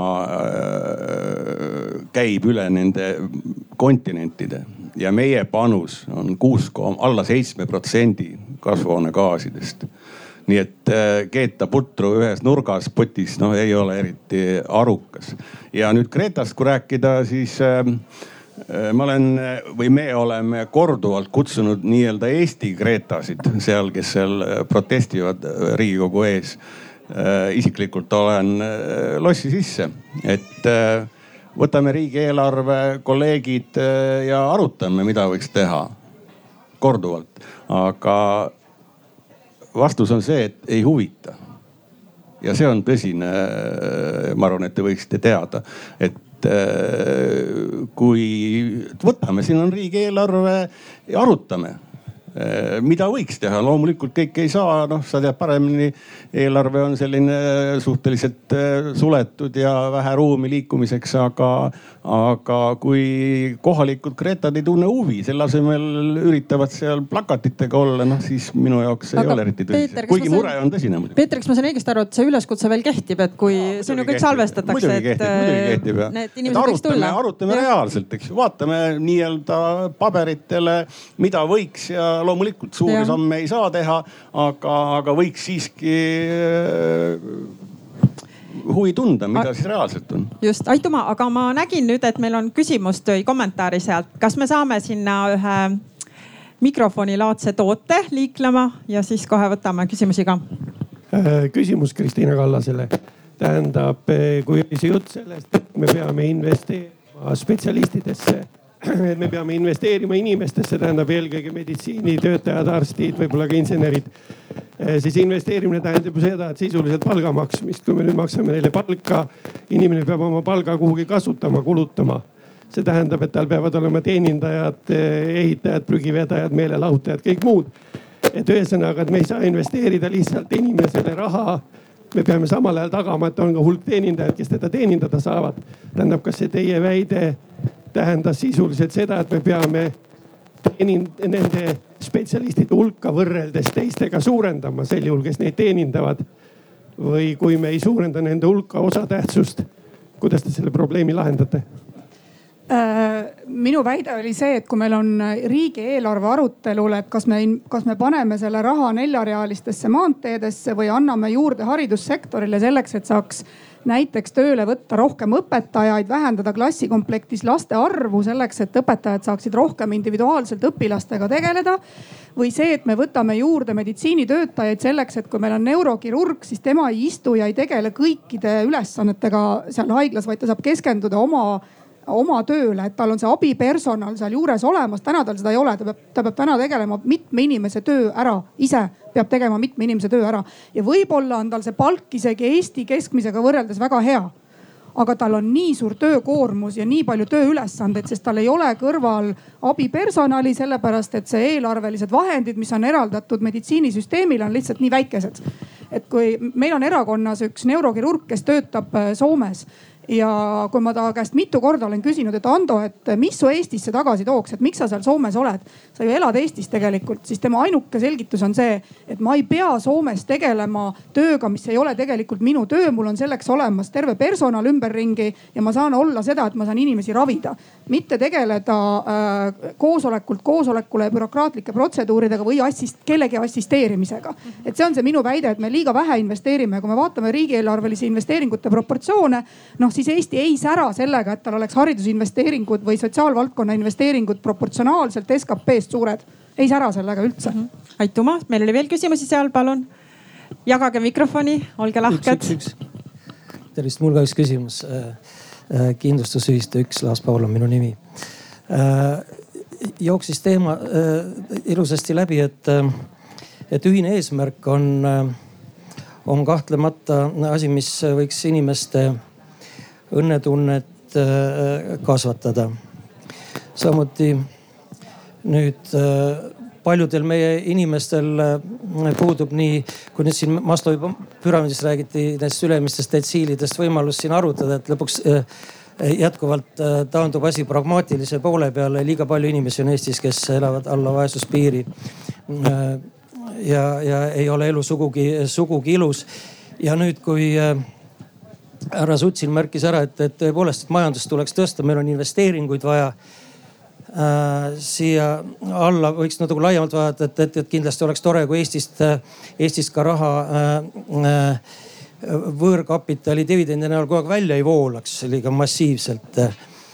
ja, ja küsimus pigem äh, siis, kas äh, meie poliitilised parteid on oma diskussioonides jõudnud ka nüüd nii kaugele, et aktiivsemalt arutada eh, seda, kuidas meie inimeste eh, õnnetunnet eh, kasvatada kompleksselt nii materiaalses plaanis kui seda, et tehakse kommuuni, kohaliku kogukonna, Eesti enda asja läbi ühistulise tegevuse, kus meie inimesed saavad näiteks investeerida meie enda ühistutesse, näiteks kindlustusühistusse, selle läbi on ühine eesmärk ja ühiselt teenitakse raha, mis ei lähe Eestist välja. täna läheb üle miljoni krooni iga jumala nädal, kui võtta keskmist Eestist raha välja, välismaise kapitali meie inimeste poolt kokku tassitud raha Eesti riigist välja. aitäh. ja et noh, tegelikult on ikka nii, et äh, Eesti investor teenib tulu, mitte äh, ei vii seda raha siit välja ja kõik see, mis välisinvesteeringute tulumaksustamist ja dividende puudutab, et see raha jääb siia. jah, et meil ei ole mitte, et, et kui me tahame niipidi mõelda, siis tuleb osta need ettevõtted tagasi kes täna kuuluvad väliskapitali kätte, aga ma ei ole päris kindel, et see on nagu mõistlik mõistlik tegu, et, et, et pigem on meil vaja siia rohkem investeeringuid, sest siis me peame saame teha rohkem vähemalt, vähem ümber jagades, muidu me tõstame raha lihtsalt ühest valdkonnast teise. et me peame selle majanduse pitsa tegema suuremaks ja see aitab meil tegelikult rahastada tervishoidu, pensioneid ja kõike muud aitäh, võtame veel küsimuse. Äh, Tiina, kas Paar. ma saan selle vaesuse teemal lisada, sest see ja. on ka õnnetundega seotud. et äh, miks on Eestis need, mis on põhjus, miks inimesed, need inimesed on alla vaesuspiiri elavad, kes nad elavad, seal on tihti kaks põhjust. üks on see, et neil on halb tervis ja nad ei saa tervise pärast tegelikult täisväärtuslikult osaleda ühiskondlikus elus, ei tööturul ja nii edasi, terviseprobleemid. ja teine on see, et neil ei ole tegelikult seda haridust, mida, mida on vaja rakendada tänases, tänases maailmas mingil noh, mingil määral on selles süüdi nõukogude aeg, selles, sest see on see põlvkond, kes on jäänud võib-olla tol hetkel sellest haridusest ilma või on ka, elab piirkonnas, kus, kus seda tööturgu ei ole. aga kui me teame, et need on vaesuse põhjused, tervis ja puudulik haridus, mitte piisav haridus siis me ei tohi või ma jõuan jälle ringiga tagasi oma jutu juurde, siis me ei tohi järgmistele põlvkondadele sedasama viga teha. ehk siis, et me ei investeeri ei haridusse ega tervisesse ja me lõpetame jälle sellega, et inimene on ka järgmises põlvkonnas vaene, sest tal on halb tervis ja tal ei ole piisavalt hea haridus. et see on see minu mure. aitäh, nii võtame veel. ma olen Tarmo Lääne, rahvakapitalist ka, et, et selles mõttes võib-olla jätkan korraks seda teemat, et. kas me võime võtta natuke küsimusi veel, sest meil saab aeg otsa kohe, meil on käed püsti siin.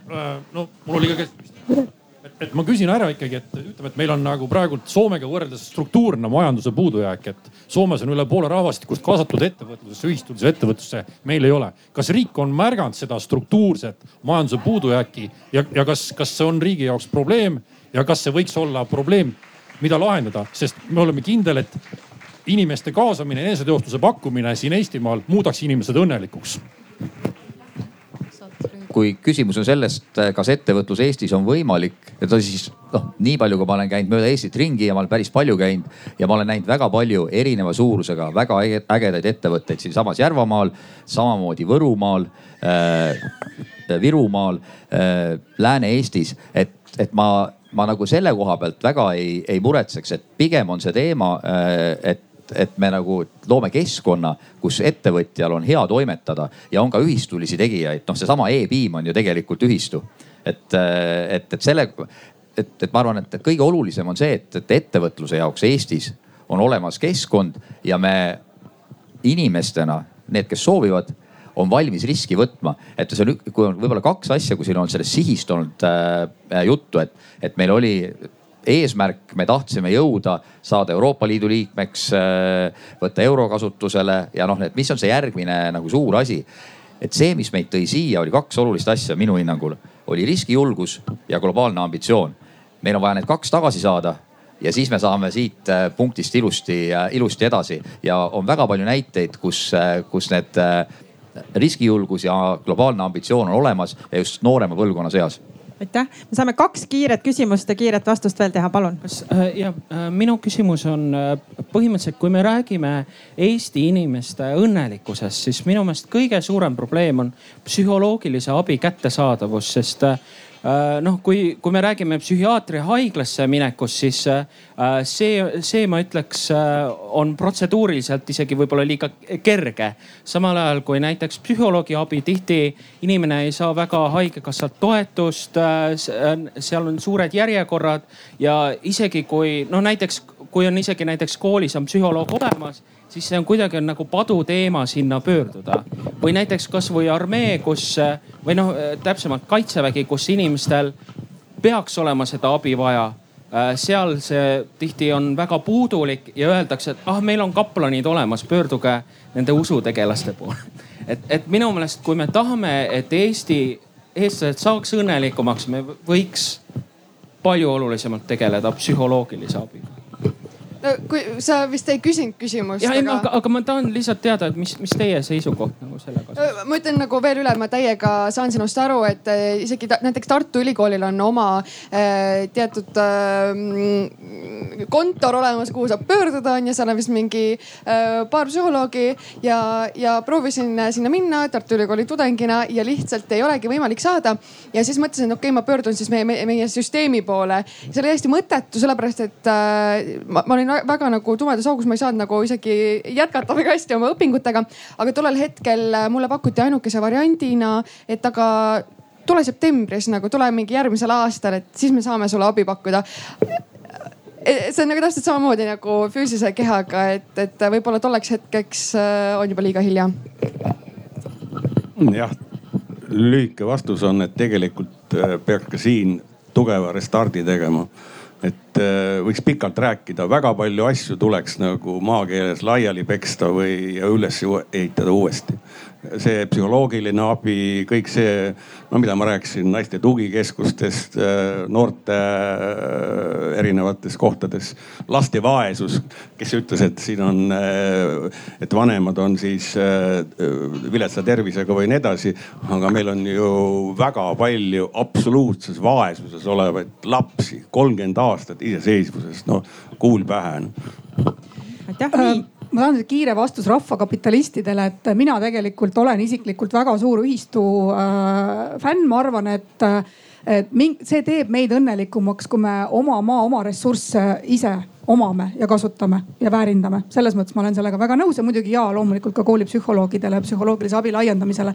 me jõuame jälle ringiga siia, et, et huvihariduse kärpimine ei aita kaasa sellele, et lapsed saaksid ligipääsu äh, tegevusele, mis on neile mõtestatud tegevus aitäh, nii ja võtame viimase küsimuse saalist. oponeeriks Kristiina väitele, et äh, kolmkümmend aastat Eesti Vabariiki ja siis öeldakse, et Nõukogude Liit on teatud inimese vaesus süüdi, see on nüüd pehmelt öeldes rumal jutt. ja nüüd äh, siis küsimus tuleb ka. Äh, tuhat üheksasada üheksakümmend kaheksa läks Mart Laari teise valitsuse ajal nagu sihukene idee käiku, et Eesti läheb üle teaduspõhisele majandusele. nüüd praegu, praegusel momendil on Eesti ettevõtetest kaheksakümmend protsenti on teenindusettevõtted, noh kauplused, juuksurid, kinnisvaraarendajad, igasugused muud teenindajad, ehitajad, noh, ütleme veel kauplused ja nii edasi. ja seoses selle, ütleme selle teaduspõhise majandusega riik hakkas ehitama keemikume vastavad ametlikud struktuurid tegi, riik nagu tegi kõik selleks, et see teaduspõhine majandus areneks. Aga meil, noh, meil on nüüd muidugi ka see digi, tiigrihüpped, meil digitaliseeriti kõik ettevõtted, meil robotid töötavad ettevõtetest ja selle tulemusena vabanes tohutud inimeste armee, kes ei saanud siis Eestis tööd ja pidid minema kuskile välismaale nii et, et ma saan nagu teie eelnevast jutust, kes te kõik siin rääkisite, niimoodi aru. et Eestis toimus teaduspõhine majandus. Aga noh, see teaduspõhine majandus on meil nagu siis teeninduses. eelkõnelejad rääkisid siin investeeringutest ja küsimused olid ka. Äh, üks kaevur, üks treial, üks mingisugune äh, ütleme seal lüpsja, nemad loovad laias laastus vähemalt viis töökohta. noh juuksurile, kingsepale, kinnisvaraarendajale, poemüüjale. Et eh, kuidas on valitsus ja need mitte valitsus, vaid valitsused ja parteid ja äh, mõelnud sellele, et kas meil ei ole mitte see teaduspõhine majandus läbi kukkunud kus on need robotiseeritud tehased, digitaliseeritud ettevõtted. ma ma nagu neid eriti ei ole näinud. ehk siis küsimus on, kas on läbi kukkunud, nii ja kes vastab? no mina ütlen niimoodi, et, et teaduspõhine majandus ja ettevõtlus äh, on veel tulemas.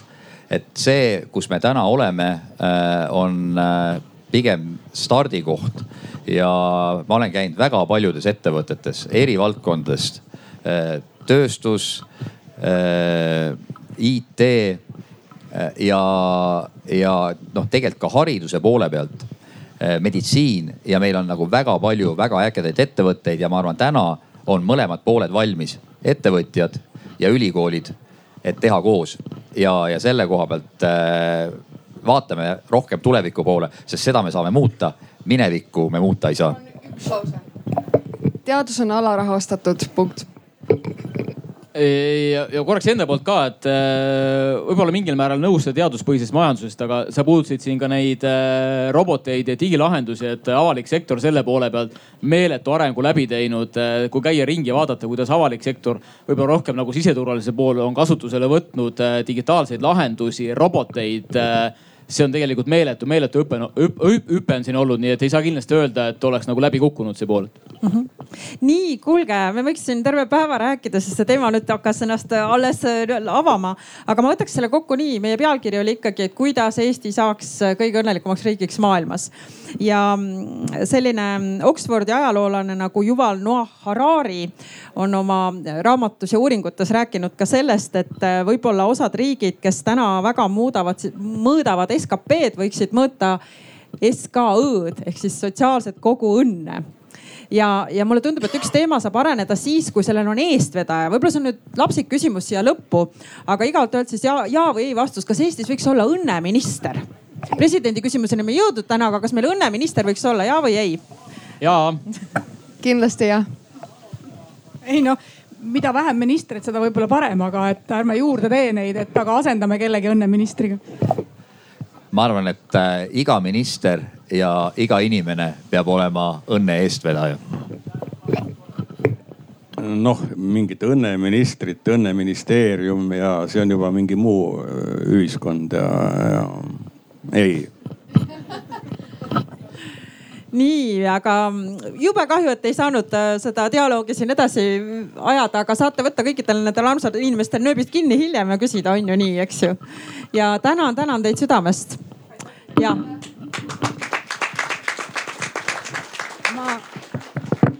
Ma tuletaks meelde, et tegelikult viisteist nelikümmend viis on meil ka Säutsu kohting, kus kõik, eh, kellel jäid küsimused küsimata, saavad istuda oma poliitikute vastu ja küsida need küsimused uuesti ära. ja siis nüüd eh, on aeg valimisteks, et eh, meil on väiksed valimissedelid ja, ja saate panna kirja, kellele oma hääle annaksite täna peale seda arutelu. selge see